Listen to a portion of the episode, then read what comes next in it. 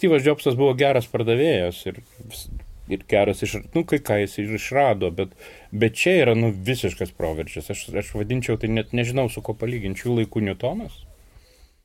Su jumis Karolis Višniauskas iš Nanuk, jūs klausotės Nailo podcast'o.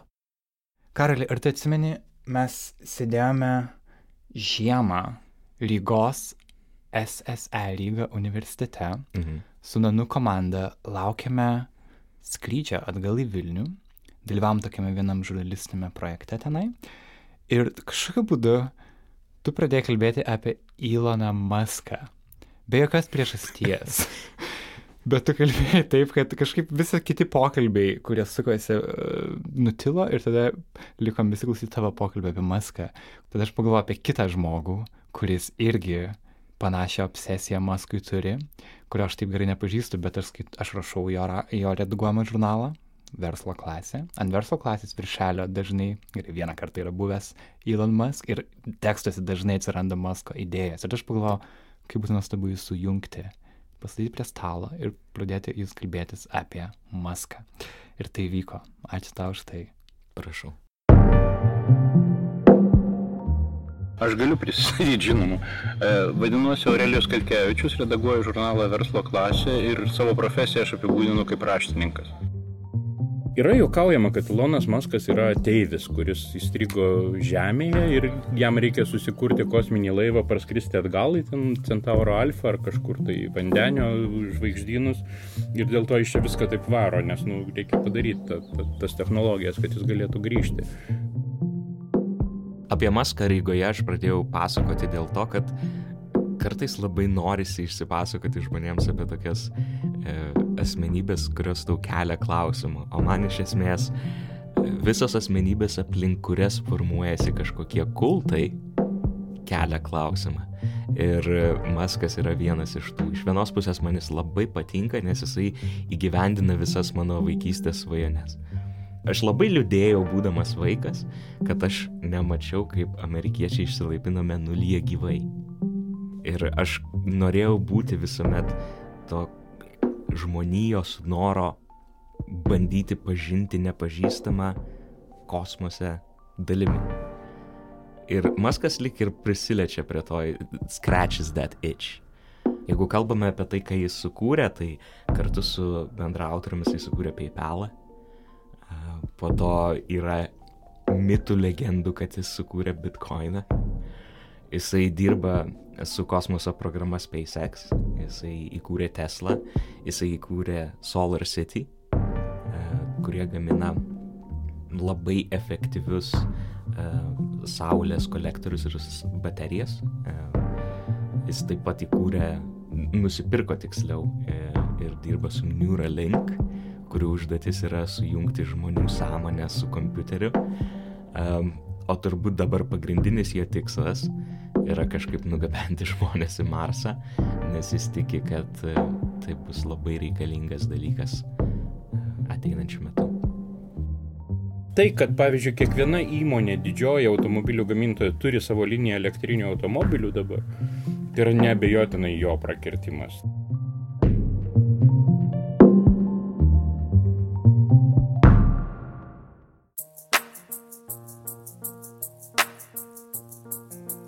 Labai džiaugiuosi, kad jūs susitikote, prie to interviu prisijungia ir Verta iš Nanu komandos, kuri taip pat yra skaičius Masko biografiją, taip pat iššokau interviu ir aš. Kitos Saurelijum sakęs kalbėtis apie tai, nes jūs turite tokį specifinį santykį, jis buvo tavo dėstytojas. Taip. Jis buvo puikus mano dėstytojas, mokęs mane kūrybinio rašymo. Iš karto pradėjus bendrauti su juo apie Maską, labai greit supratau, kad jis jaučia daugiau meilės Maskui nei aš ir aš automatiškai užėmiau tą tokią velnio advokato poziciją, bandant truputėlį kvestionuoti jo požiūrį į maską. Ko man patiko interviu jūsų su Aurelijum yra tas, kad realiai maždaug pirmas pusvalandis yra skirtas Maskui analizuoti, bet po to kažkaip visą tai perė į bendrai tokį pasaulio mhm. ir pažinimą ir Lietuvos ir švietimo būklės vertinimą ir apskritai Lietuvos kažkokią psichologinę būseną. E, atrodė, kad um, nuo tos tokios specifinės temos, ir man labai patinka tas specifiškumas podcast'e, kada gali, dažnai, du žmonės protingai kalbasi apie kažkokią nišinę temą, um, paskui perėjo prie daug globalesnio dalyko ir man Aurelijaus atvirumas atvirumas labai kažkaip sužavėjo, nes jis, pavyzdžiui, jisai paminėjo vienoje vietoje savo, a, savo vėžį ir savo chemoterapiją, kurią jis perėjo ir leido apie tai kalbėti podcast'ui, kas buvo už ką tikrai esu jam dėkingas. Taip pat jis paminėjo netgi ir Pakso laikus dalyką, apie ką jų nuolatos visi klausinė, nes kaip žinia, jisai tuo metu, kai Paksas buvo Lietuvos prezidentas, tai atrodo, įvyko prieš šimtą metų, bet jis buvo jo komandoje vienas pagrindinių viso to Pakso kažkokios iliuzijos kuriejų. Uh, ir jis apie tai nebėjo kalbėti. Man patiko Aurelijos atvirumas šito, šito klausimu. Koks tavo įspūdis iš to susitikimo, šito, šito aspektu? Labai smagu, kad Aurelijus leido atvykti mums į jo sodybą. Taip, mes ėmėm interviu jo sodyboje. Jis realiai nulipo nuo žaliapjovės, nes pjovė žolę tada ir iš karto sėdo prie rekordė. Jo, tai man atrodo, tai labai padėjo tam atvirumui egzistuoti tame pokalbį. Man atrodo, kad tokiamis temomis bendraujant labai svarbu būti atviru. nes tada lengviau apčiuopti, kur, kur kuris žmogus stovi. Man labai patiko, kad jūs vienas į kitą kreipėtės tu, kas mm. lietuvių kalboje sunku kartais peržengti, nes, pavyzdžiui, anglų kalba yra žodis you ir tu tiesiog kreipiesi žmogų, nesvarbu kokiu. Iš, čia, iš to ir atėjo, nes aš, aš praleidau uh, turbūt geriausius savo studijų metus Danijoje. Tu aš mokiausi Danish School of Media and Journalism. Ir, aišku, bendravau su dėstytojais, kreipdamas į juos žodžiu you. Ir tas, kai aš randu kažkokią artimą kontaktą su dėstytoju, man net nėra klausimo po, po, po Danijos, aš automatiškai tą žmogų reipiuosi tu. Mhm. Jo, tas labai išlygina santyki, manau, tas labai svarbu.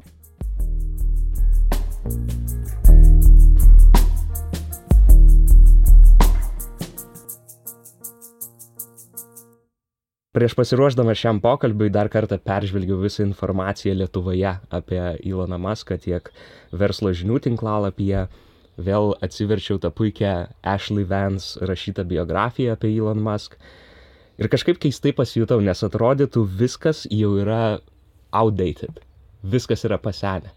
Tiek ta pati biografija, kuri nutrunka 14-15 metais, e, tiek, va, pavyzdžiui, skaičiau, kad Aurelijus rašė 2017 metais, 17 pabaigoje, apie tai, kaip Maskas ketina įrengti baterijų kompleksą e, Pietų Australijoje. Tai Ir šią savaitę jau paaiškėjo, kad tas kompleksas sumažino elektros tinklo priežiūros kaštus 90 procentų, o per pirmas kelias e, veikimo dienas sugeneravo virš milijoną dolerių pelno.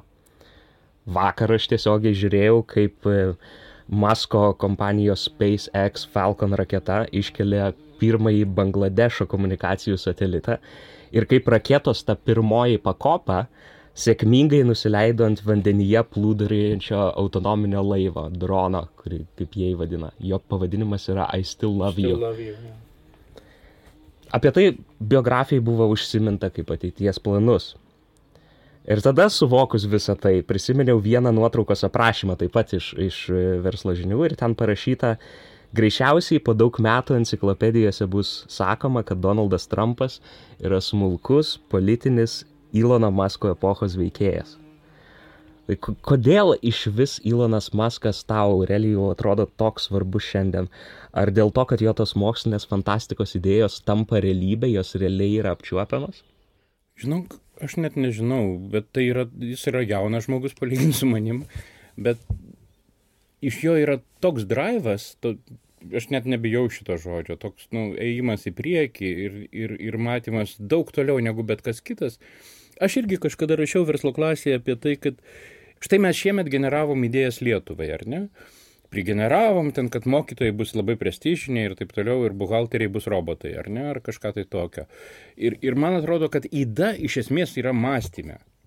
Nes Ilono atveju tai būtų mums pernelik rizikinga gyventi vienoj planetoj, žmonijai yra nesaugu gyventi vienoj planetoj, nes atlieks kas nors ir bus kaip dinozaurams. Reikia imti kitą planetą. Artimiausia patogi tam terraformavimui yra Marsas. Tam reikia skristi į Marsą, vežtis ten kokį milijoną žmonių, daryti koloniją, daryti backup kopį žmonijos Marse. Ir tai yra idėja. Tai yra idėja Lietuvai, idėja žmonijai, idėja visam, visam kitam. O visa kita, ką jis daro, ateina jau į šitą idėją, kad padaryti žmonijos antrą kopiją, kurią kur nors galim padėti kosmose saugiai. Ir Čia ateina Tesla, čia ateina Hyperloopas, tu neišvardinai visko. Čia ateina SpaceX'as, čia ateina Solar Roof, Saulės stogai, Neuralinkas, jis neseniai nusipirko prieš porą metų įmonė, kuri domisi sąveikas smegenų ir kompiuterių. Jis savo sūnus atidavė į savo privačią mokyklą, kurio niekas nežino, yra absoliuti tyla, kas ten vyksta toj mokykloje. Niekas nežino, kas vyksta Ilono Masko privačioje mokykloje SpaceX'o. Ten yra SpaceX'o darbuotojai tik tai. Prasidėjo viskas nuo PayPal'o, kaip tu puikiai atsimeni. Tai yra, ir čia aš atsimenu tą tokią sakmę apie turbūt vieną Venecijos banko darbuotoją. Buvo labai tvarkingas darbuotojas Venecijos bankė kažkada. Nu, bankai iš vis Italijos išradimas, kuris atsineždavo aksomo staltiesėlę kas kart, skaičiuodavo monetas, paskui susilankstydavo gražiai aksomo staltiesėlę, išsineždavo ir vis su nauja ir nauja ateidavo. Ir paskui paaiškėjo, kad jis ją sudegindavo ir aukso trupinius išlydydavo, kurie prilipdavo ant tos staltiesėlės. Tai vad PayPalas yra apie tai. Ta prasme, tu tarsi pervedinėjai pinigus, bet kažkas įstringa. Bet kas yra gražaus Ilono gyvenime, Ilono Masko, jis į pinigus žiūri ne kaip į tikslą, ne kaip į kažką tai tokio fetišą, bet kaip į visiškai tokį pašalinį dalyką. Nu, tai yra tik tai priemonė padaryti kažką tai, padaryti, įgyvendinti idėją, sukurti kažką tai. Ir tai yra žiauriai žavus požiūris, kad tai pinigai yra laiko konservai ir daugiau nieko. Yra įdomi Juvalio Harario frazė, kurią neseniai aš taip vienam iš jo interviu mačiau, jis sakė, kad vienintelis dalykas, kurį iš tikrųjų galima monetizuoti, yra pasitikėjimas. Ir čia galbūt ne ta vieta, šnekant apie Iloną Maską, kur galima galvoti apie pasitikėjimą ir pinigus. Bet kažkur šalia.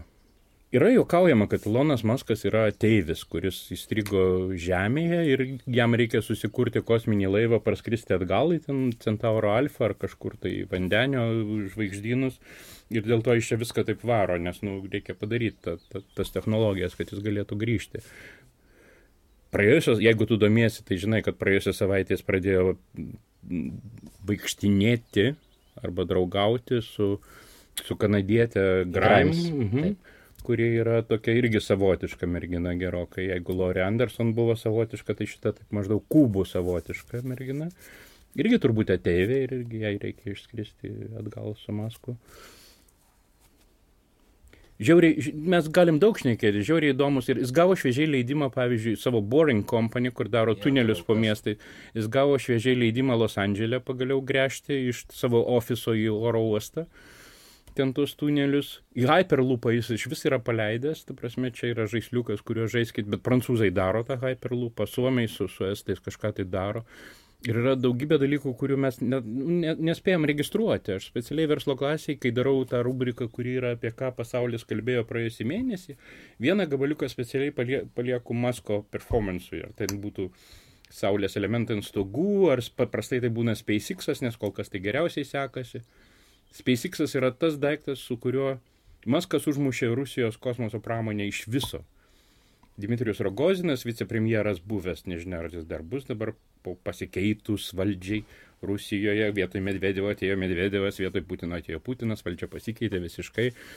Tai ar bus Rogozinas vicepremjeru mes nežinom, bet netaip seniai Rogozinas sakė, kad mes ir nekonkuruosim komercinės kosmonautikos rytį. Tai va šitas Rogozinos sakinys yra visiškai Masko nuopelnas, kuris visiškai užkasė Rusijos kosmoso pramonę per pastaruosius 10-12 metų. Nes aš atsimenu, kai kilo konfliktas Ukrainoje, Rogozinas sakė, nu ir su kuo jie siūs savo kosminės raketas į tarptautinę kosminę stotį? Su batutu? Tai ne, SpaceX'as išsprendė šitą reikalą, jokių batutų neprireikė. Tu paminėjai PayPalą, ne kaip pradžią. Tai ar, ar gali pasakyti, kad tai yra tas metas, kada tu pradėjai domėtis? E, Masko, kada pradėjai jį sekti, kada jis tapo persona? Ne, ne, ne. Ir net neties, ties Tesla iš tikrųjų, kokiais 2008 atsirado jau užsakymai, ne Tesla S, Tesla X. Va tada aš pirmą kartą išgirdau ir pirmą kartą pradėjau žiūrėti, kasgi čia darosi iš tikrųjų su tais automobiliais, nes idėja buvo žavi. Paskui aš nuvažiavau berots 11 metais į Junktinės valstijas, į Koloradą. Į, į Denverį, į Boulderį, universitetinis miestelis Boulderis yra. Kolorade ir ten mačiau Teslos parduotuvę pirmą kartą. Teslos mašinos parduodamos universitetiniam miestelį vidury prerijų prie uolinių kalnų ir, ir vat nuo to prasidėjo, nes 2006 ar ne, įkurta SpaceX kompanija, o pastaruoju metu jis tiesiog siautė, visiškai siautė. Jeigu kas nori geriau pažinti Iloną Maską, tai turbūt net ne tą biografiją reiktų skaityti, o Timo Urbano knygą, tokia knyga keista, nes jis ją rašė kaip blogą ir paskui išleido ir kaip knygą ir jinai yra Kindle apie Maską, aš dabar neatsiminsiu pavadinimo, bet būtent kokias jis problemas sprendžia, susipažinkit, čia Litas yra. Jo vardas Litas. Yra belgų grifonas. o pinigų turi kišenį. o kortelę. o PayPal. Bet taip klausant, atrodo akivaizdu, kad nu, tai, tai svarbus yra asmuo tau, kad, kad tu skiri daug dėmesio supratimui, ką jisai veikia, kodėl jisai tą veikia ir, ir, ir e, kur link galbūt tai veda. Ir aš internete randu labai daug e, to, to tokio kultiško momento aplink Maską. Jeigu... Jis nusipelno labiau negu Stevenas, Steve'as Jobsas, pavyzdžiui, iš tikrųjų, nes jo, jo yra... Steve'as Jobsas buvo geras pardavėjas ir ir geras, iš, nu, kai ką jis išrado, bet, bet čia yra, nu, visiškas proveržis. Aš, aš vadinčiau, tai net nežinau, su ko palyginti, šių laikų Newtonas. Turbūt. O kodėl? Nes Newtonas buvo ir monetų kalyklos, beje, vadas Londone ir jis kūrė daugybę tokių funkcionalių dalykų, ne, ne, ne tik galvoju apie klasikinę mechaniką. Tai Masko atveju mes iš vis nešnekam apie grinąjį mokslą, bet mes šnekam apie polėkį, apie grinąjį polėkį viską mes galim išspręsti. Tie, tie gražinimai raketų pirmų pakopų ir vėliau bus antros pakopos nepavyko truputėlį su sunkiuoju Falkonu, kur viena iš pakopų nenusileido į jūrą, kur turėjo nusileisti į sausumą dvi pakopos. Tai vakar, vakar nusileido į jūrą. Bet ne Falkono sunkaus, Falkono, Falkono 9. 9. O sunkusis yra su trim pakopom skrenda. Tai, tai yra tokio lygio, aš vaikystėje skaičiau Bredberį apie Marso kronikos, ten buvo pirmas ar antras apsakymas iš Marso kronikų, yra kaip vaikas žiūri per tvorą į, į erdvėlaivius pakylančius iš, iš kosmo uosto ar ne ir nusileidžiančius. Tai va tas jausmas, va Bredberis yra įkūnytas dabar čia. Tai ką jis pasakoja apie Marso kronikas Bredberis, tai daro Maskas.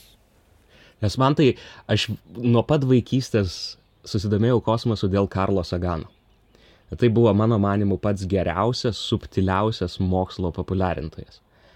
Ir dabar aš kiek jaučiu ir bandau apčiuopti tą, tą ritmą, matau, kad Maskas perima tą rolę. Jis savotiškai savo e, ekstravertiškumu, bet kartu ir tokiu akvardumu ir, ir idėjomis išleisti e, Tesla į kosmosą, jis populiarina mokslą. Bet man kartu labai sunku tą sukramtyti, nes jis netrodo toks lengvas pamilt, kaip Karlas Saganas. Va, pavyzdžiui, neseniai jisai turėjo tą skambutį dėl pirmo ketvirčio pajamų e, ir, žinai, Bernstein analistas uždavė klausimą apie ateities kapitalo reikalavimus, o Maskas ten iš karto atsakė, judam toliau, buka galviškas klausimas, visiškai neįdomu, reikės su youtuberiais kalbėti. Bet ar, ar tai neatmuša tavo, tavo meilės Maskui? Ne, aš, aš hamų nemyliu, aišku, bet jis ir nėra hamas. Jis tiesiog tu, kai tu esi toks, toks laivas, tokio dydžio, tokio poleikio ir tokio drivo laivas, tai tu, tu nepastebi ten tų, jeigu tai nėra, reiškia, lietkalnis, kuris nuskandino Titaniką, tai kažkokių mažesnių lyčių tu nematai. Tu tiesiog varai į priekį ir tiek. Ir aš manau, kad Daug kas kritikuoja jį dėl Tesla dabar Tesla iš tikrųjų turi problemų ir verslo žinios šviežiai spausdino straipsnį, kad Tesla degina pinigus. Bet tai, ji, tai, kad pavyzdžiui kiekviena įmonė, didžioji automobilių gamintoja turi savo liniją elektrinių automobilių dabar, tai yra nebejotinai jo prakirtimas. Tai nebejotinai tai, ką jis darė su Tesla, nes visi pradėjo galvoti, o gal jam pavyks ir mes tada nespėsim. Ir tada BMW su savo AI, Chevroletą su savo ir Toyota visa. Iš viso aš siūlau pažiūrėti į Vilniaus taksistus šitais atvejais. Mhm. Jeigu prieš septynetą metų tai buvo Šaronas, Volkswagenas, dizelinukas ar ne paprastai, tai dabar atvažiuoja Priusas. Toyota Priusas visada Vilniaus. Ir Vilniaus taksistai jie žino, kad ateitis yra elektra kiekvienu atveju. Kol kas Priusas yra hybridas, tai yra taip, galbūt, gal ne, gal elektra, gal benzinas, bet tai vis tiek į tą pusę. Jie čia, va, iš ta, ta, taksistų apsidraudimą reiškia, tai yra hybridas, bet elektra tai bus vis tiek. Gerai, elektra, SpaceX'as. O kaip apie visus tos visiškai atrodo iš mokslinės fantastikos rojaus? Neuralinkas? Jo, kaip Neuralinkas. Neuralinkas, aš kaip suprantu, atsirado iš jo baimės dirbtinio intelekto, nes vat, kuo išsiskiria Elonas Maskas palyginti su visa Google Hebra, su, su Sergejum Brinu, su, su, su Larry Page'u, jis labai atsargiai, labai santūriai žiūri į dirbtinį intelektą ir jo plėtrą. Ir jeigu Google būtų Hebra linkusi paleisti jį gyventi, tai jis galvoja, kad, nu, čia pernelik toks rimtas žvėris, kad jį paleistum gyventi. Ir iš čia atsirado sprendimas apie Neuralinką, nes aš kaip suprantu, jo mintis buvo ta, kad uh, mes neleiskim tam dirbtiniam protui gyventi be mūsų, mes prisijungim ir būkim kartu su juo. Nes Neuralinkas yra įmonė, kuri duomisi smegenų tiesioginė sąveika su kompiuterio interfeisu, vartotojo sąsaja. Tai kiek ten jam seksis, kiek ten su juo bus, mes žiūrėsim, bet mes visada turim galvoti su tavim apie Rėjų Kurzvelą, kuris yra Google inžinierius ir kuris sako, kad 2045 tai čia pat, net aš dar nenumirsiu mes e, būsim nebe biologinės būtybės. Kad visiškai bus augmentuotas žmogus. Daugiau ar mažiau kažkokios kibernetinės elektroninės. Kaip tu manai, kaip, kaip Maskui pavyktų įrodyti visuomeniai, kuri dirbtinį intelektą pažįsta, žinai, geriausiu atveju Helą iš 2001 Čia yra dirbtinis intelektas. Kiekvienas sakinys, kurį, kurį tu vaigi telefone. Taip, bet jis yra labai trivialus ir žmonės nesupranta, žinai, ką gali padaryti dirbtinis intelektas paleistas egzistuoti laisvai. Ar ne, jie mato skainetą iš Terminatorius. Bet tai yra mokslinė fantastika. Tai kaip, kaip manai, Ilonui Maskui pavyktų įrodyti, kad iš tikrųjų tai yra realus pavojus? Ar reikėtų karo su dronais? Nežinau, jam turbūt nepavyks, nes tai nėra pavojus. Iš tikrųjų, nie, niekada taip nebuvo su žmonėje, kad... Mm, nu, čia šveiką reikia cituoti, standartinė šveiko citata. Niekada taip nebuvo, kad ko nors nebūtų, visada kažkas būna. Žmonėje niekada jinai žudosi, jinai kariauja, jinai kankinasi ir išmiršta, bet niekada taip nebuvo, kad žmonija sąmoningai kažkaip eitų susinaikinimo link. Žmogus yra toks parazitas, kad žiūrkim ir tarakonam tik tai pavydėti. Išlikimo instinktas yra žiaurus žmogaus. Ir santykiuose su dirbtiniu intelektu aš manau, kad jis laimės irgi žmogus, nes tai, tai, yra, tai, tai yra iš tikrųjų išlikimo mašina žmogus. O tu tiki Niko Bostromo teorija? O nežinau aš apie ką dabar. Čia yra Masko e, pagrindinis gyvenimo, gyvenimo būdo suvokimo etapas turbūt, nes jis tiki tokio švedų filosofo Niko Bostromo teoriją, jis dažnai interviu apie tai kalba, kad iš tikrųjų mes gyvenam simulacijai. Kad... Ai, tai Hawkingo paskui, paskutinės vos ne frazės buvo ja. apie tai, kad mes matricoje gyvenam. Teko man apie tai diskutuoti, kad ar gyvenam mes matricoje ar negyvenam matricoje. Šiaip karaliai iš tikrųjų tai, o kame problema? Ar gyvenam simulia... nu, va, simulaciją, obeližydį? Ne, ne, ne, aš ne apie tai. Man atrodo, kad tiesiog Plemba tai atitolina labai jį nuo auditorijos. Tai padeda, sukuria tokių fantastinių kažkokių aurų aplink jį, kurias sunku suvokti. Bet čia tokia labai labai labai aukštų dažnių kalba, ta prasme, jau, nu, aukštoji matematika, kur prasideda stygų teorijos ir visa kitos. Tai iš tikrųjų jų nereikia, bet ar, ar nu, sutik nedaug kas masto, ar mes gyvenam matricoje ar negyvenam matricoje. Labai nedaug kas masto, kiek matavimų mes gyvenam 11, 7 ar, ar, ar 9. Bet, bet ar viešai kalbant apie tokius dalykus, jam pavyks išlaikyti savo invest, žinai, investuotojus? Gal jiems tai pasirodė? Aš manau, keista? kad tai pakankamai skaidosi tas dėmesys, kad pinigai, kurie dedami į, į Tesla yra labai, arba į, ypač į SpaceX, į, labai apčiopiami pinigai ir jie niekaip nepriklauso nuo jo šnekų apie, apie uh, gyvenimą Marse, jau nekalbant apie gyvenimą Matricui. Nes, žiūrėk, jeigu net mes gyvenam Matricoje, tai jis Matricą išplečia iki Marso, tai didelė Matrica yra miela tokia. Bet du, tau tikrai atrodo patinka Ilonas Maskas. Aš kažkokį... Man jis tikrai patinka. Aš turiu problemą, nes pavyzdžiui, tiek su Steve Jobsu anksčiau ir vėliau išaiškėjo, kad jis ne, ne koks žmogus, ar ne? Paskui, kai tik startavo Facebookas, visos optimistinės Zuckerbergo idėjos, jos atrodė nuostabios, sujungti pasaulį, leisti žmonėms bendrauti, o po to paaiškėjo, kad tai, ką jis daro, Žinai, ne visai yra gera. Vat, matai pievą, ne? Tai e, pievoje auga žolės, pienės ir visa kita. Ir tam, kad čia išauktų kviečiai, jas ir jie reikia suarti. Kažkas ateina su plūgu, ar ne, bičias. Ir pienėm be abejo tai nepatinka. Ir tom žolėm tai nepatinka, kad bičias su plūgu eina per pievą ir arę. Bet kažkas iš to atsitinka paskui. Jeigu apleidi paskui tą dirvoną, tai net priauga visokių neįdomių daiktų, barstučių ir kitų pikdžiulių. Bet tam, kad tu turėtum duonos, tu turi suarti. Ir kai ari, tu pažeidi, tu neišvengiamai pažeidi. Tai dizelis pažeidinėjo pasaulį, Newtonas pažeidinėjo, Siemensas pažeidinėjo, čia aš pavardės miniu, jeigu ką, ne variklius. Tai jie, jie griovė, jie, jie, jie darė tai, kas nepatiko kitiems žmonėms. Vidaus degimo variklis, kokia problema yra vidaus degimo variklis? Arkliai viską ekologiški tokie, o tas baisusis teršia viską. Bet mes gyvenam tokiam pasaulyje, kuria, kurį sukūrė jie, tie, tie kurie griovė, tie, kurie ėjo ir griovė. Ir tai gali būti baisu. Ir Lonas Maskas jis greuna. Jis turi daugybę priešų, pradedant nuo Rusijos, kuris vos nėra asmeninis priešas, ir už Roskosmoso užkasimą, ir už kalimą per naftą, nes ir, ir, ir saulės stogai, ir, ir, ir, ir visi automobiliai elektriniai, jie kala per naftos paklausą o Rusija gyvena apie naftą ir tik tai, ir dėl to jis turi Teksase, pavyzdžiui, priešų ir, ir visur kitur. Bet jeigu Saudo Arabijos princas sako, kad mes pereinam prie saulės energetikos nuo naftos, tai jeigu sa, šitą sakinį reikia išgirsti visą. Saudo Arabijos sosto įpėdinis princas sako, kad mes pereinam nuo naftos prie saulės energetikos, tai čia yra, nu, ten mes gyvensim, į ten mes einam.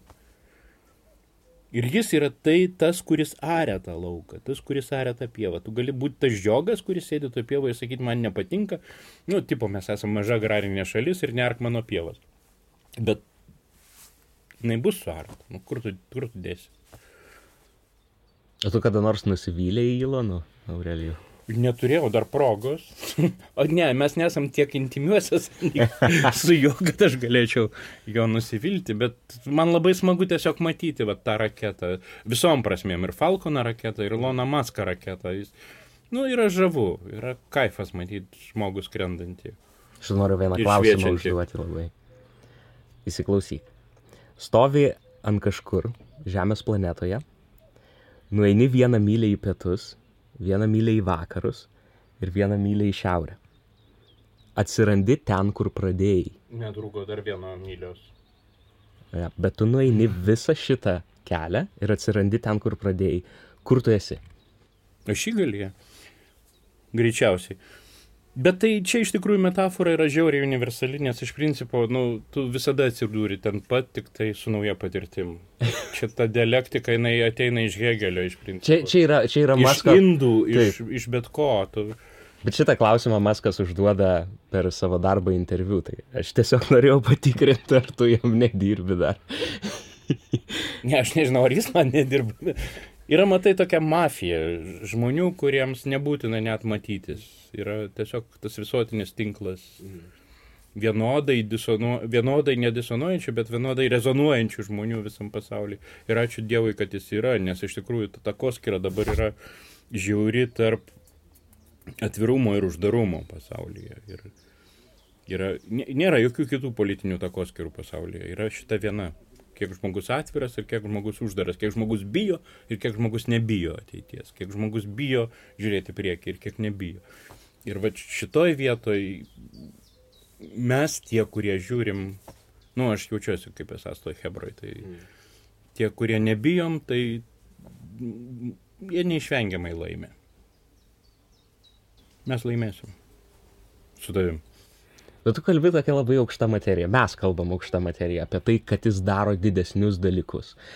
Bet taip pat šalia yra viso to ir, žinai, jo hobių ugnesvaidžiai. Aha, drakonai. Jo... Jis šviežiai pranešė, kad jis darys saldainių, saldainių fabriką. Taip, kad jis darys saldainių fabriką, kad Nu, Porošenko sunerimo. Nes Porošenko turi saldainių fabrikus, tai jam neramu pasidarė. Ar, ar jauti kažkokį disbalansą tame? Ne, ne, ne, ne, tai yra drive dalis, ta prasme, tai, kad tu sugebi žvengti ir daryti drakonus ir ugnesvaidžius yra sveiko žmogaus požymės. Humoro jau, aš iš vis daryčiau Seimo nariams egzaminą kokį nors humoro, nežinau, besibalotiruojant, ar suprasme. VRK ateina, priduoti dokumentus, jiems iš karto eina pas Haroldą Manskevičių pri, priduoti kažkokį humoro egzaminą ir tada galėjai eiti kandidatuoti. O kaip tu pats įsivaizduoji tą e, Masko ateitį ir bandėjai įsivaizduoti netolimą, dešimt metų? Aš kalbėjausi su Regina, ar ne, kaip iš tikrųjų, ar mes skrendam į Marsą. Mm. 2024, nu, man kiek čia bus? Kiek bus, dar, šeši, dar, dar šešeri metai, ar ne, tai 62 kažkur. Regina nepasirašo, jinai vis dėlto, nu, sodyba, Lietuva ir visa kita. Jei kažkaip norisi. Aš man knetėtų. Aš visai norėčiau ties pabaigti gyvenimą iš galų gali Marsė. Net jeigu tai būtų ne, netikėtas Bet, gyvenimas. Tai be abejo nusileisiu. Natūrali vyro būsena yra būti po kulnu. E, moters tai aš be abejo nusileisiu jai, bet šiaip jeigu galima būtų, jeigu aš būčiau laisvas, aš varyčiau su juo į Marsą. Nežinau, ką ten veikčiau, aš kalbų moku, tai iš principo gal, galbūt galė, gal, gal jam reikės vertėjų kokių. Dabar va esam jūsų sodybai, kalbam e, apie maską, val, valanda nuo Vilniaus, ryškiai šviečia saulė. Ar manai, kad greitų metų tu čia atvažiuosi su Tesla ir tą saulę e, aš, sugersi saulės kolektorių? Vis dėlto autonominiai automobiliai yra ateitis. Čia uodus mušami. E, autonominiai automobiliai yra ateitis ir niekur aš nevažiuosiu, jis atvažiuos manęs pasimti. Ir aš švelniai įtariu, kad kaip tik pro šalį, pro molėtus eis hiperlupas iš, iš Vilniaus į Rygą. Ir aš išlipsiu hiperlupo stotelį, po penkių minučių įsėdęs prie savo Oslo namų, po penkių minučių išlipsiu molėtuose ir autonominis automobilis mane čia atveš kepti iš ašlykų ar ant sparnelių. Aš atsimenu, neseniai žaidžiau tokį Deus Ex žaidimą Yra tokia serija, ji egzistuoja nuo 2001 metų. Ir viso žaidimo esmė, viskas vyksta netolimoje ateityje, tai yra visiškas cyberpunkas, e, bet ten yra labai daug diskusijų ir tokia įdomi diskusija apie transhumanizmą. Ir ten ta netolima ateitis yra 2025 metai, kai žmonės pradeda save augmentuoti iki tokio lygio, kad jie tampa geresniais. Ar ne, jeigu pianistė nusipjauna rankas. Geriausias klausimas, matai, čia yra, kas yra geresnis. Taip, bet pavyzdžiui, tai labai, labai faktiškai ir praktiškai, ar ne, tai pianistė nusipjauna rankas, užsideda naujas rankas tik tam, kad jos geriau grotų, nes jos groja geriau. Aš nežinau, ar čia eteriai, bet aš tau papasakosiu. Iš tikrųjų, aš vaikštau su implantu. Čia yra implantas. Aš aišku norėjau atminties praplėtimo implantą, man įsiuvo, bet man įsiuvo kraujagyslį implantą dėl to, kad man nereiktų gulėti ligoninėje po lašelinę per chemoterapiją, kad aš galėčiau nešiotis lagaminėlį su lašelinė, nu, kad aš galėčiau gyventi normaliai, kol, kol vyksta chemoterapijos procesas. Aš esu augmentuotas. Apie kokią ateitį mes šnekam? Viskas yra čia pat, čia, dabar.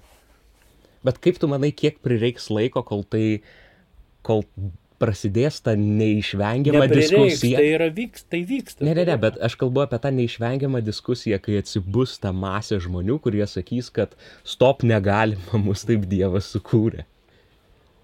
E,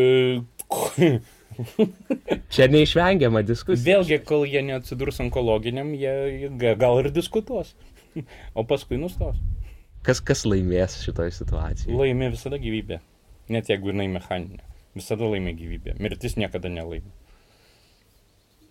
Ir iš viso tam, va, tam sakinyje tavo apie tai, kad mes tampam kyborgai, aš turiu tokią metaforą, jinai taikoma šiaip jau mano gyvenime, jinai taikoma valstybiniai kalbos komisijai.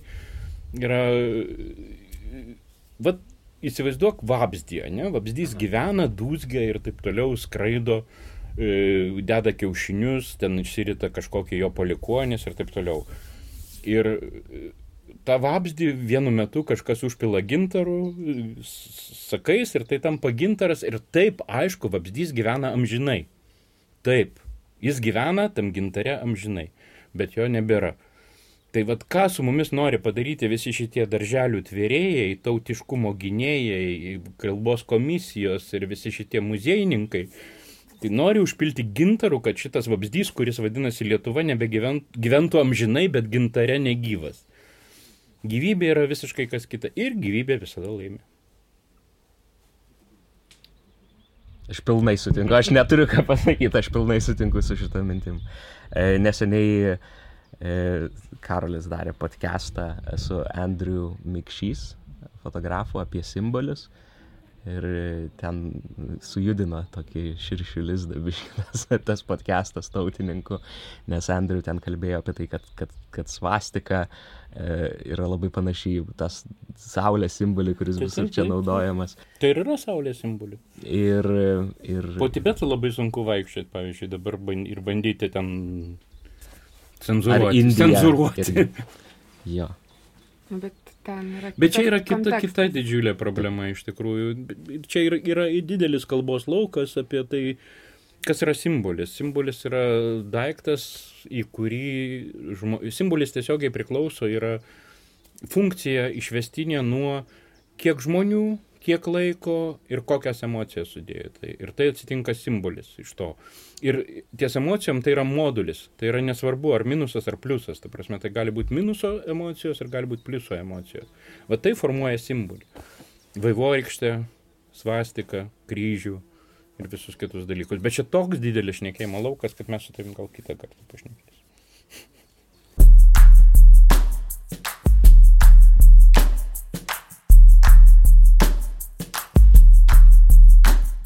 Kalbėjot apie, apie šitą vat, ateitį, apie išskridimą į kitą planetą, pasi, bet šitoje planetoje yra daug problemų, kalbant, tarkim, apie klimato kaitą ir visas kitas ekologinės problemas. Ką su juom daryti, tiesiog palikti ir, ir ten kurti naują gyvenimą? Ne, ne, čia liks ta žmonija, kol neatskris asteroidas ir jinai susitvarkys savaime, jinai susitvarko. Dabar tie yra atsitraukimai. Aš vad išleidau šviežiai verslo klasę, kur viršelis vadinasi, anonsas viršelėje vadinasi puikia šalis gyventi. Istorija yra apie tai, kad ten pagrindinė tema apie klimato kaitą ir mes padėjom žemėlapį, kur yra rizikos įvertintos katastrofų gamtinių uh, ta prasme, nuošliaužos, liūtis, potviniai, žemės drebėjimai, ugnikalniai ir taip toliau. Ir Lietuva yra absoliučiai be nei vieno taško. Galimos katastrofos per artimiausiai 20 metų čia Švedija, Norvegija turi katastrofų, visi turi. Lietuva yra absoliučiai žalia. Dėl to daug e, milijonierių išpirkinėja Naujojo Zelandijoje irgi žemės. Ten dabar jie. Ten rizikingiau, ten buvo žemės drebėjimai, Christchurch'e, ne taip. Jo, bet ten neturėtų taip užpilt pagal viską, kaip, kaip pagal visas NASOS prognozes. Tai aš manau, kad mes susitvarkysim, vėlgi pagal tą patį principą, kad gyvybė visada laimi. Mes susitvarkysim ir su savo klimato problemom. Kad ir kaip dabar spardytųsi, kad ir kaip kažkas galvotų, bet tiesiog natūralus procesas yra toks, kad, kad mes susitvarkysim. Bet turbūt e, tavo Berta klausimas atėjo iš to, kad ar tai nėra toks truputį... Eskapizmas. Jo, kad maždaug, aha, pabėgt, šitą planetą pabėgt, jau pakankamai sugriovėm, o judėkim, judėkim Marsą toliau. ir padarykim tą patį Marsą. Ar tai... ne, tu pažiūrėk 16 amžių, ar ne? Nu, ir, ir bičia, kuris pardavinėja kiaušinį Ispanijos karalieniai. Nu, stato ten jį ant smailo galo, ant buko ir visai, kaip bičias vadinasi Kristoforas Kolumbas. Tai jiem tas kelias per Atlantą jis prilygo iš maždaug mums skrydžių į Marsą. Mes esam tokios būtybės. Mes ne tik didžiausi parazitai, kurie išliks po bet kokio atominio karo ir kai sunyks tarakonai, mes esam tokios būtybės, kurios turi plėstis. Ir čia vėlgi iš to parazitiškumo. vis tiek yra, netgi įmant Amerikos istoriją. Amerikos visi uh, indienai, sakykime, ar ne, jie, jie ten gyveno. Be abejo. Ir jie dabar ten praktiškai. Tai, jie... tai čia vėl, vėl Karolė, yra ta, ta metafora apie pievą ir plūgą. Nu, o ką daryti? Nu, o ką daryti? Nu, toks yra gyvenimas. Yra draustiniai tie aplinkui, bet... Aš nežinau, nu, aš, aš tai tiesiog priimu tą, tą žmoniją, kaip jinai yra, kaip jinai yra tokia. O jinai yra tokia, jinai varys į priekį vis tiek. Praeis 10 tūkstančių metų ir ramiai, ramiai mes su tavimi sveikinsime Centauro alfoje. Mes į priekį ateina, čia grinai kažkoks biologinis. Nežinau, taip, ko gero, ko gero tai yra genetikoje, tai yra ko gero pasėti savo rūšį kuo plačiau. Ko gero tai yra pats bazinis dalykas, iš tikrųjų bazinis bazinis yra pasėti save kuo plačiau. Bet va čia aš grįšiu prie Karolio, tarkim, Amerika, ten tiek ypač pietų kodėl siejant save, va, turi dar ir kenkt kažkam, kodėl nėra to samoningumo, lygiai taip pat kaip ir kalbant apie gamtosaugą. Kodėl... Tai žiauriai geras klausimas. Kodėl? kodėl? Tuo labiau, kad ten ir yra ta pati rūšis, tai yra žmonių rūšis ir kodėl ją naikint, kodėl varant į priekį ir bandant išgyventi, naikint e, aplinką. Bet ar, ar tu nematai, Berta, kaip mes keičiamės? Vat šitie klausimai, kuriuos tu užduodi, jie juos Pisaro arba ten Kortesas jų savo neužduodavo. Arba tie, kurie varydavo 11 amžiuje Jeruzalės atkariauti, jie savo neužduodavo. Arba kryžiuočiai pas mus čia. Mes užduodam savo tos klausimus. Nu, ne viskas. Man, man, mane kartais truputį liūdina tas mūsų noras dabar. Ne? Nu, mes, mes truputėlį kitokie. Mes, mes augam iš lėto. Iš tikrųjų yra tas judesys. Nu, ne, ne viskas vyksta greitai. Man, man pavyzdžiui, irgi nepatinka Trumpas, nes jis kvailas, ar ne, bet aš puikiai suprantu, kad, kad ir kaip man jis nepatiktų, bet jį nuims tik tai rudenį, ne dabar, šių metų. Tai viskas vyksta taip, kaip turi vykti. Tu negali, negali aš paprastai sakydavau ir nekartą esu sakęs ir vedamuoju susirašęs, tu negali ištempti vasario mėnesį žolės už galiukų iš žemės. Žolė užauga tada, kai jai ateina laikas. Tu gali ten pukšėti, kiek nori, pūsti fenų, bet tu jos neištemsi iš žemės. Na, ateis laikas, jinai išdyks pati. Ir, ir taip yra su mumis, su žmonija, tik mastai kiti, tūkstantmečiai. O jūs tai visą laiką taip matėt, ar buvo kažkoks momentas, kai tą suvokėt? Nes kalbat labai kažkaip pozityviai ir ramiai, ypač šiuo metu, kai yra daug nerimo, neiškumo, nežinojimo. Daug maž visada, tik dabar nu, po vėžio daug ramiau man aistros užgeso. Tu prasme, aš anksčiau buvau aistringesnis, dabar aš matau plačiau tą. Nu. Bet jūs toks ir labai optimistas esate. Aš visą laiką, nuo pat pirmų verslo klasės numerių, visą laiką pradėdavau tekstus nuo jūsų redaktorių žodžiai ir visą laiką kažkokią gerą tokią ramybės emociją gaudavau, kad maždaug, aha, vyksta tas, tas, tas, bet... Viskas bus gerai, hebrai. Ir aš galvoju, iš kur jo, tas ateina? Ar tas ateina su grinai kažkokia gyvenimiška patirtimi, nes aš įsivaizduoju, kad kai jums buvo 20, jūs turbūt matėt pasaulį vien problemas. Ne, ne 20, taigi aš, aš kaip ėjau į Paksą, ne, 2004, aš ėjau daryti revoliucijos, tai, nu, nu, nu, nu, visas, visa terminija buvo kaip Styvo Benono paruošta Trumpui. Ta prasme, Vilniaus pelkę išdžiovinsim, čia liaudės turi ateiti valdžią, biurokratiją sugriausim ir paksas ant balto žirgo su kardu pirmin. Ir, ir rašiau tokius tekstus ir tai, tai buvo labai rimta pamoka. Ir dėl to, ar nuo to maždaug laiko, nuo, nuo apkaltos, aš pradėjau šnekėti tik apie švietimą. Nieko nepadarysi kitaip, tik tai trešti, ravėti, auginti, tik švietimas, tik tik lavinimas, tik vaikai. Bet jūs sakote, Jokių... kad tuo metu buvot neišsilavinęs, dėl to patikėjot tą pakso iliuziją kažkokią? Ne, ne, jokių iliuzijų, aš pats tą iliuziją dariau, jokių iliuzijų tai nebuvo, buvo noras e, kažkokiu griežtų, tokių kumštinių būdų. Ir po manęs jau lipo milijonas žmonių ant to paties grėblio. Tu prasme, griežtų lasdos būdu, nu, nepakeisi nieko. Ir visi drąsos keliai, va dabar, va, valstiečiai, dar bus 38 judėjimai, visi lips ant to paties grėblio, nieko nepadarysi tokiu būdu, nieko.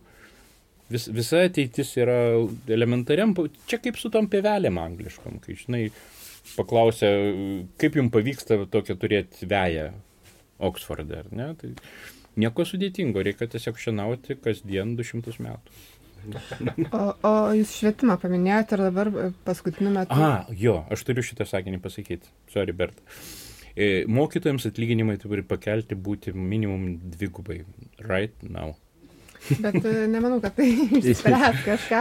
Čia... Bet e, apie tą dar klausimą noriu paklausti, nes dabar kiek su kuo bediskutuotume, bet kokiu klausimu, bent mano išvada dažniausiai yra, kad tai yra E, kažkokios, kažkokia problema ar kažkoks nesuvokimas ar kažkas, kad tai viskas susiveda į švietimą. Taip. Ir nemanau, kad tie atlyginimai e, padvigubinti išspręstų, išspręstų problemas, išspręstų. Kaip policija išsprendė, taip ir spręstų ir švietimui. Atsirastų konkursas, atsirastų žmonės, kurie eitų, nu, galima būtų atsijotinti. Aš čia senas, senas mūsų ginčas su Austėja Landsberginė. Austėja sako iš pradžių, e, testas reiškia, kad jie tinka, tada jiem alga. Aš sakau iš pradžių alga, tada atsijosim tie, kurie netinka iš to konkurso. Tiesa, matyt, kažkur guli per vidurį iš tikrųjų ir kažkaip kitaip.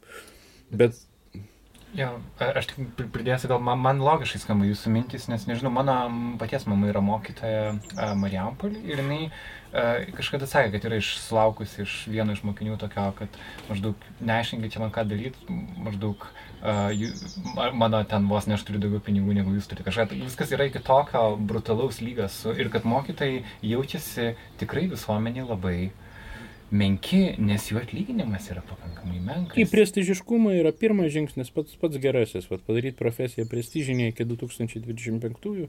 Pirmas žingsnis, tu, pinigai dabar pigus, yra nulinės palūkanos, eikit skolinkitės. Eikit pasis... Mes neturim dabar deficito netgi biudžeto, mes turim biudžeto proficitą, eikit pasiskolinkit pinigų ir duokit mokytam pinigų.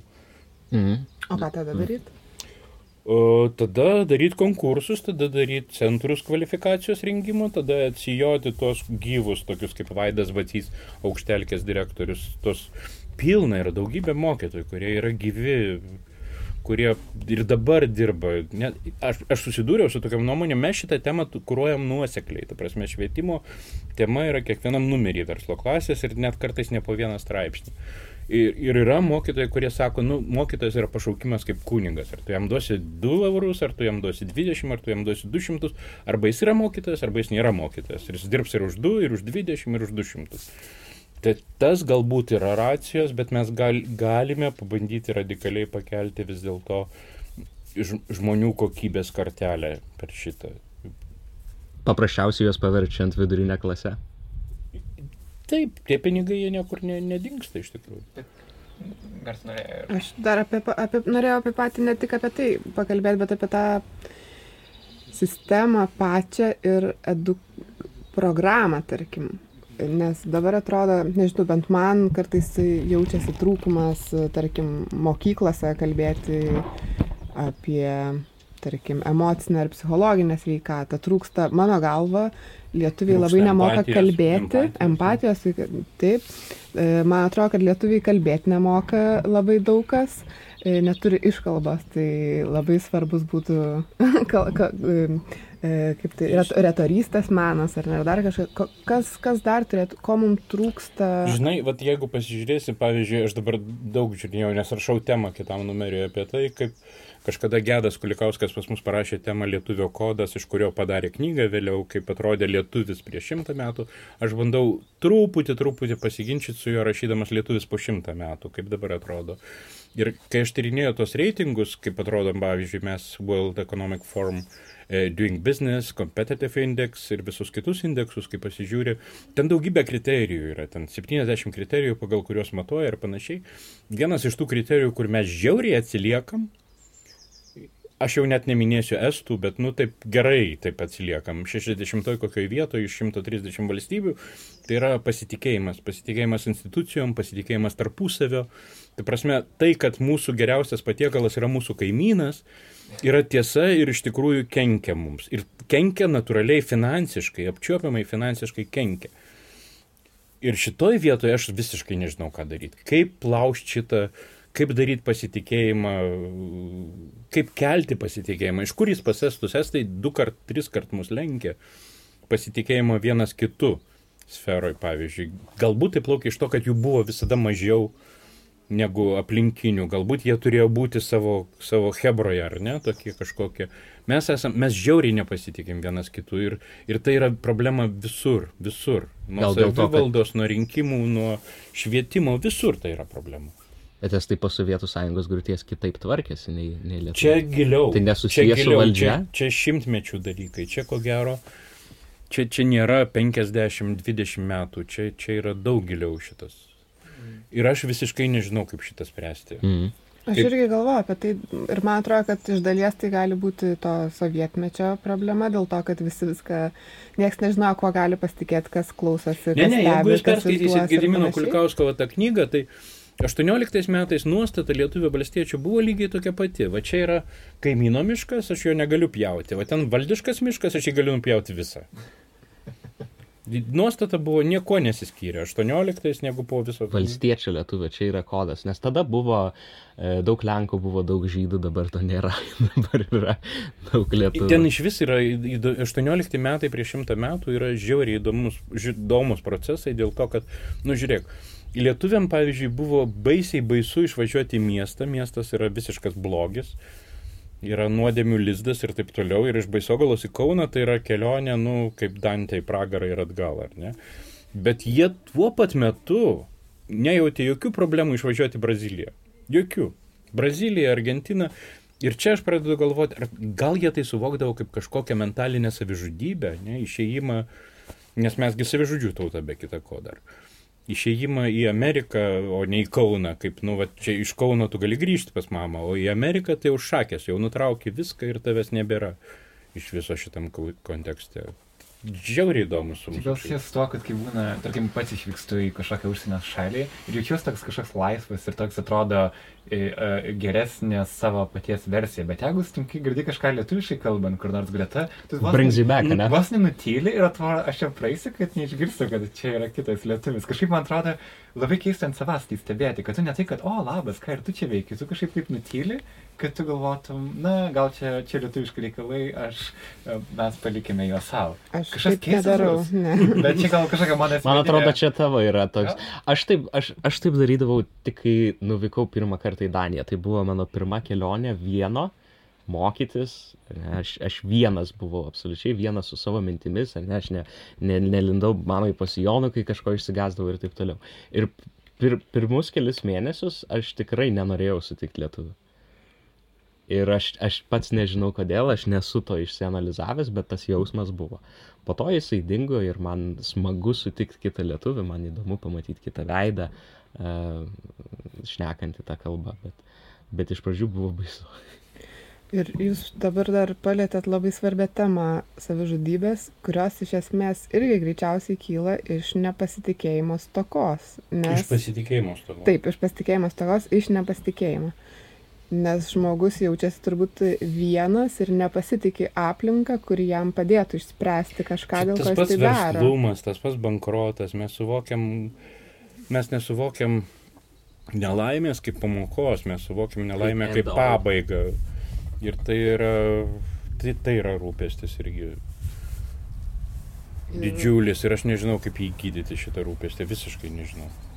Ir už tai vėl sakau, mokytojams turi būti pakelti atlyginimai. Nes iš esmės užauginus pasitikėjimą, kurį mes turbūt galim auginti iš tikrųjų vien kiekvienas e, apie tai galvodamas ir elgdamas su kitu kažkaip kitaip negu galbūt verčia instinktai elgtis, e, išspręsti daug problemų. Tiek žiūrėti į tas klaidas kaip į nepralaimėjimus, o kaip dalį proceso. Bet čia, čia viskas, čia, čia, čia vat, šiukšlių skandalas Vilniuje yra irgi apie tai. Vis, visur apie tai yra. Kiek tu pasitikė. Ir abipusės, pavyzdžiui, su valstiečiais, su Karbauskiu irgi yra apie tai.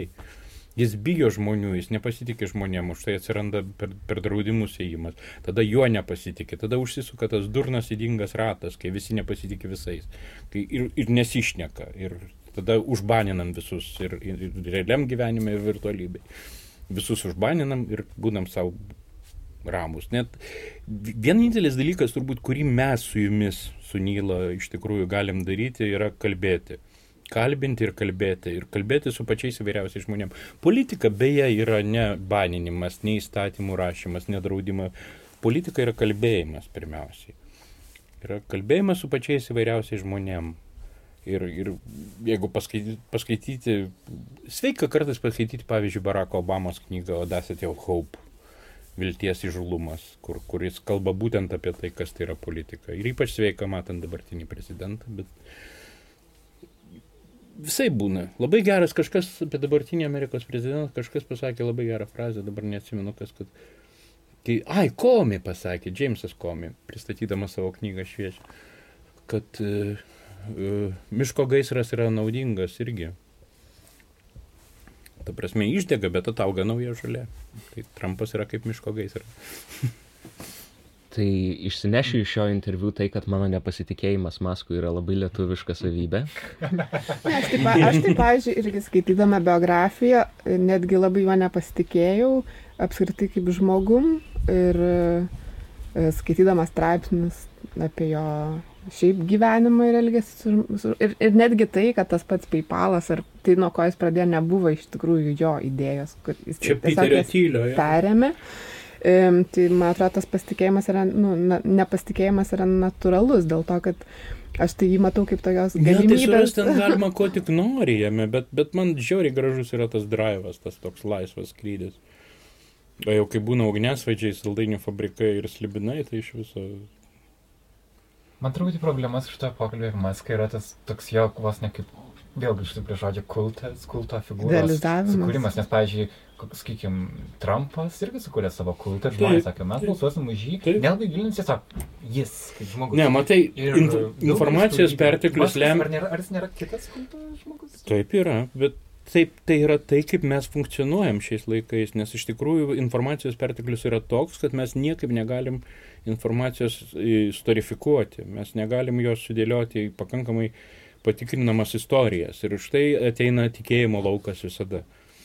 Nes elementariai dėl informacijos kiekio. Mes negalim verifikuoti, negalim sudėti istorijas, todėl mes turim kliautis tikėjimu vienur ar kitur. Ir, ir tikėjimas tampa esminių mūsų sprendimų, e, nu kaip, pagrindu.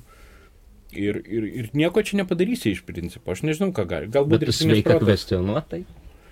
Kvestionuoti viską labai gerai ir visada reikia kvestionuoti viską. Bet Bet tu renkiesi, kuo tikėti galų galę ir, ir taškas. Ir kitaip, aš taip įsivaizduoju, kad kitaip ir nebuvo iš tikrųjų, nepaisant to informacijos kiekio. Tu renkiesi, kuo tikėti ir, ir gyveni su tuo tikėjimu. Nežinau, čia reikia galvoti. Kalbėjom apie tos mokytojų atlyginimus. Maskas kalbėjo, kad ateityje faktiškai nu, basic income, tai yra nustatytas atlyginimas, uh, bus privalomas dalykas. Nu, Suomija, Dėl... Suomija atsisako savo pilotinio projekto dabar. Ar tikrai? Taip, taip, o Maskas, kuris savo Teslos fabriką padarė ultra automatizuotą, Sakė, galų gale... Pri... Humans yra underrated. Jo, galų gale pripažino, kad žmonės iš tikrųjų reikalingi ir kad jis klydo. Ir odiniai šitie yra. Kartais praverčia. Klausimas apie tai, ar kada nors iš vis tai bus. Ar, Žinai, ar, aš nežinau, man, man atrodo, kad greičiau mes modifikuosim. Tu, tu visą laiką turėk, kai visą laiką galvoji apie bazinį atlyginimą, visą laiką kažkur šo, šonė turėk tarėjaus kurcvilo mintį, kad galbūt 2045 tau nereiks valgyti, nes tu turėsi ten servo motorus kažkokius. Arba... Aš jau tais metais norėčiau savo sąmonę į kompiuterį perkelti. Galbūt. Būčiau atpalaiduotas. tai pinigai taps, nu, toks labai relatyvus dalykas tada.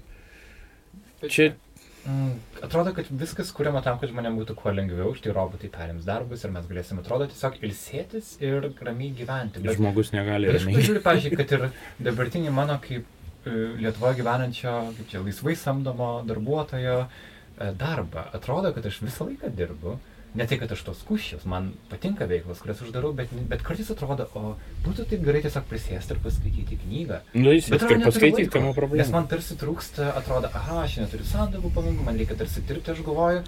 Ar, ir daug yra kalbama apie tą vadinamą gig economy, kada tu tarsi visą laiką dirbi ir gaunasi, kad tu niekada nesipsi. Ką mes su jumis darom dabar, pavyzdžiui? Mes tai dirbame. Šeštadienio ryto sodams reiškia byrant, ką mes su jumis dabar darom. Mes dirbam ar nedirbam? Ir mes šiaip šnekamės.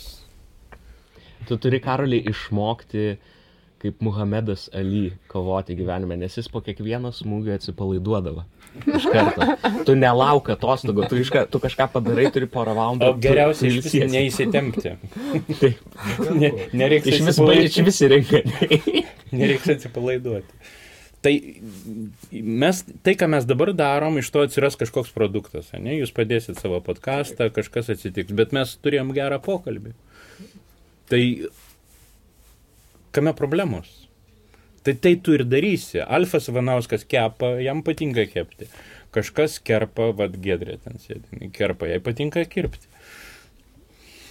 Man patinka rašyti, kažkam patinka mokyti. Ramiai aš vis tiek, aš turiu labai keistą santykį su Masku. Man jis labai patinka dėl to, kad jis yra... Vaikystėje aš labai mėgau Midbusters serialą. Mitų grevėjai. Mitų grevėjai, tai. Taip, tas lietuviškas, lietuviškas televizijos šou pavadinimas buvo Mitų grevėjai. Ir man Maskas savotiškai yra tas tikrasis mitų grevėjas, nes visi, visi mokslinės fantastikos mitai, kuriuos aš skaičiau, e, mano galvoje. Jis įkūnija. Taip, jie buvo mitai dėl to, kad tai mokslinė fantastika. Yra žodis fantastika, kirtis ant to žodžio. O Maskas tai įkūnija. Bet taip pat aš esu toks žmogus, kuris aš negaliu visiškai atkabinti kūrinio nuo kurėjo. Jeigu Dostojevskio žmona sako, kad jisai buvo pakankamai talentingas rašytojas, kad jam galima atleisti už tai, kad jis buvo prastas vyras, tai man labai sunku skaityti Dostojevskį. Hitleris paaišė akvarelę. Taip. Ir aš negaliu atkabinti kūrinio nuo kurėjo. Ir kartais Maskas, man atrodo, truputį infantiliškas. Savo poelgiais, savo pasirinkimais. Aš, aš ne, žinai, ko, ko man daugiau metų, tuo mažiau aš jaučiuosi galys ką nors teisti. Žiūrėsim, duosis matyti. Aš irgi noriu tiek metų sulaukti. Čia yra mintis, turbūt, nes kai esi kuo jaunesnis, tu teisi viską, ar ne? tu, tu veiki teisimu, ar ne? Tu, tu taip dėlioji pasaulį į stalčiukus, kad jį suvoktų. Ne, bet taip reikia, tai yra irgi natūralus žmogaus kelias. Ta prasme, nu, kodifikavimas, klasifikavimas tai yra labai natūralu. Kai tu suklasifikuoji jau ten pakankamai daug ten tų gyvių, tada, tada kitaip galbūt pradėjome. Susitiksim Marsė, Aurelija. Gerai. Ačiū. Ačiū labai.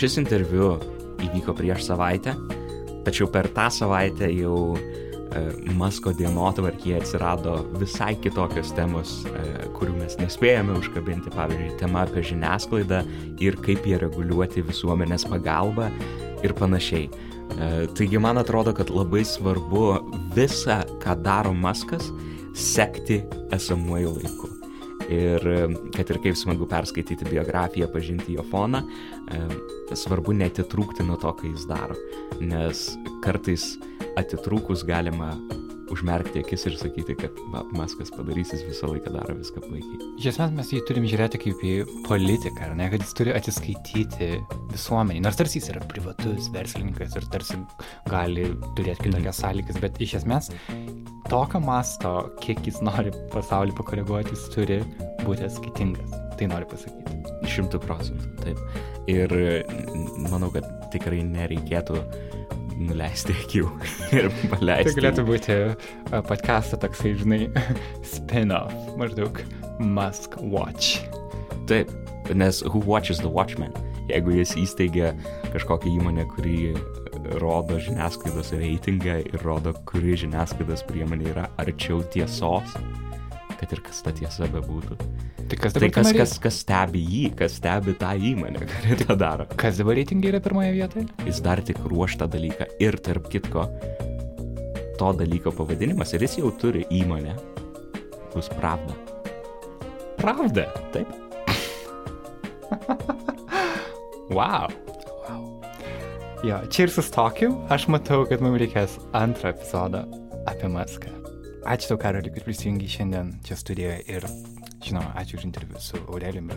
Ačiū Bertai, kurio čia nėra su mumis. Ačiū Jums klausytojai, susitiksime Marse.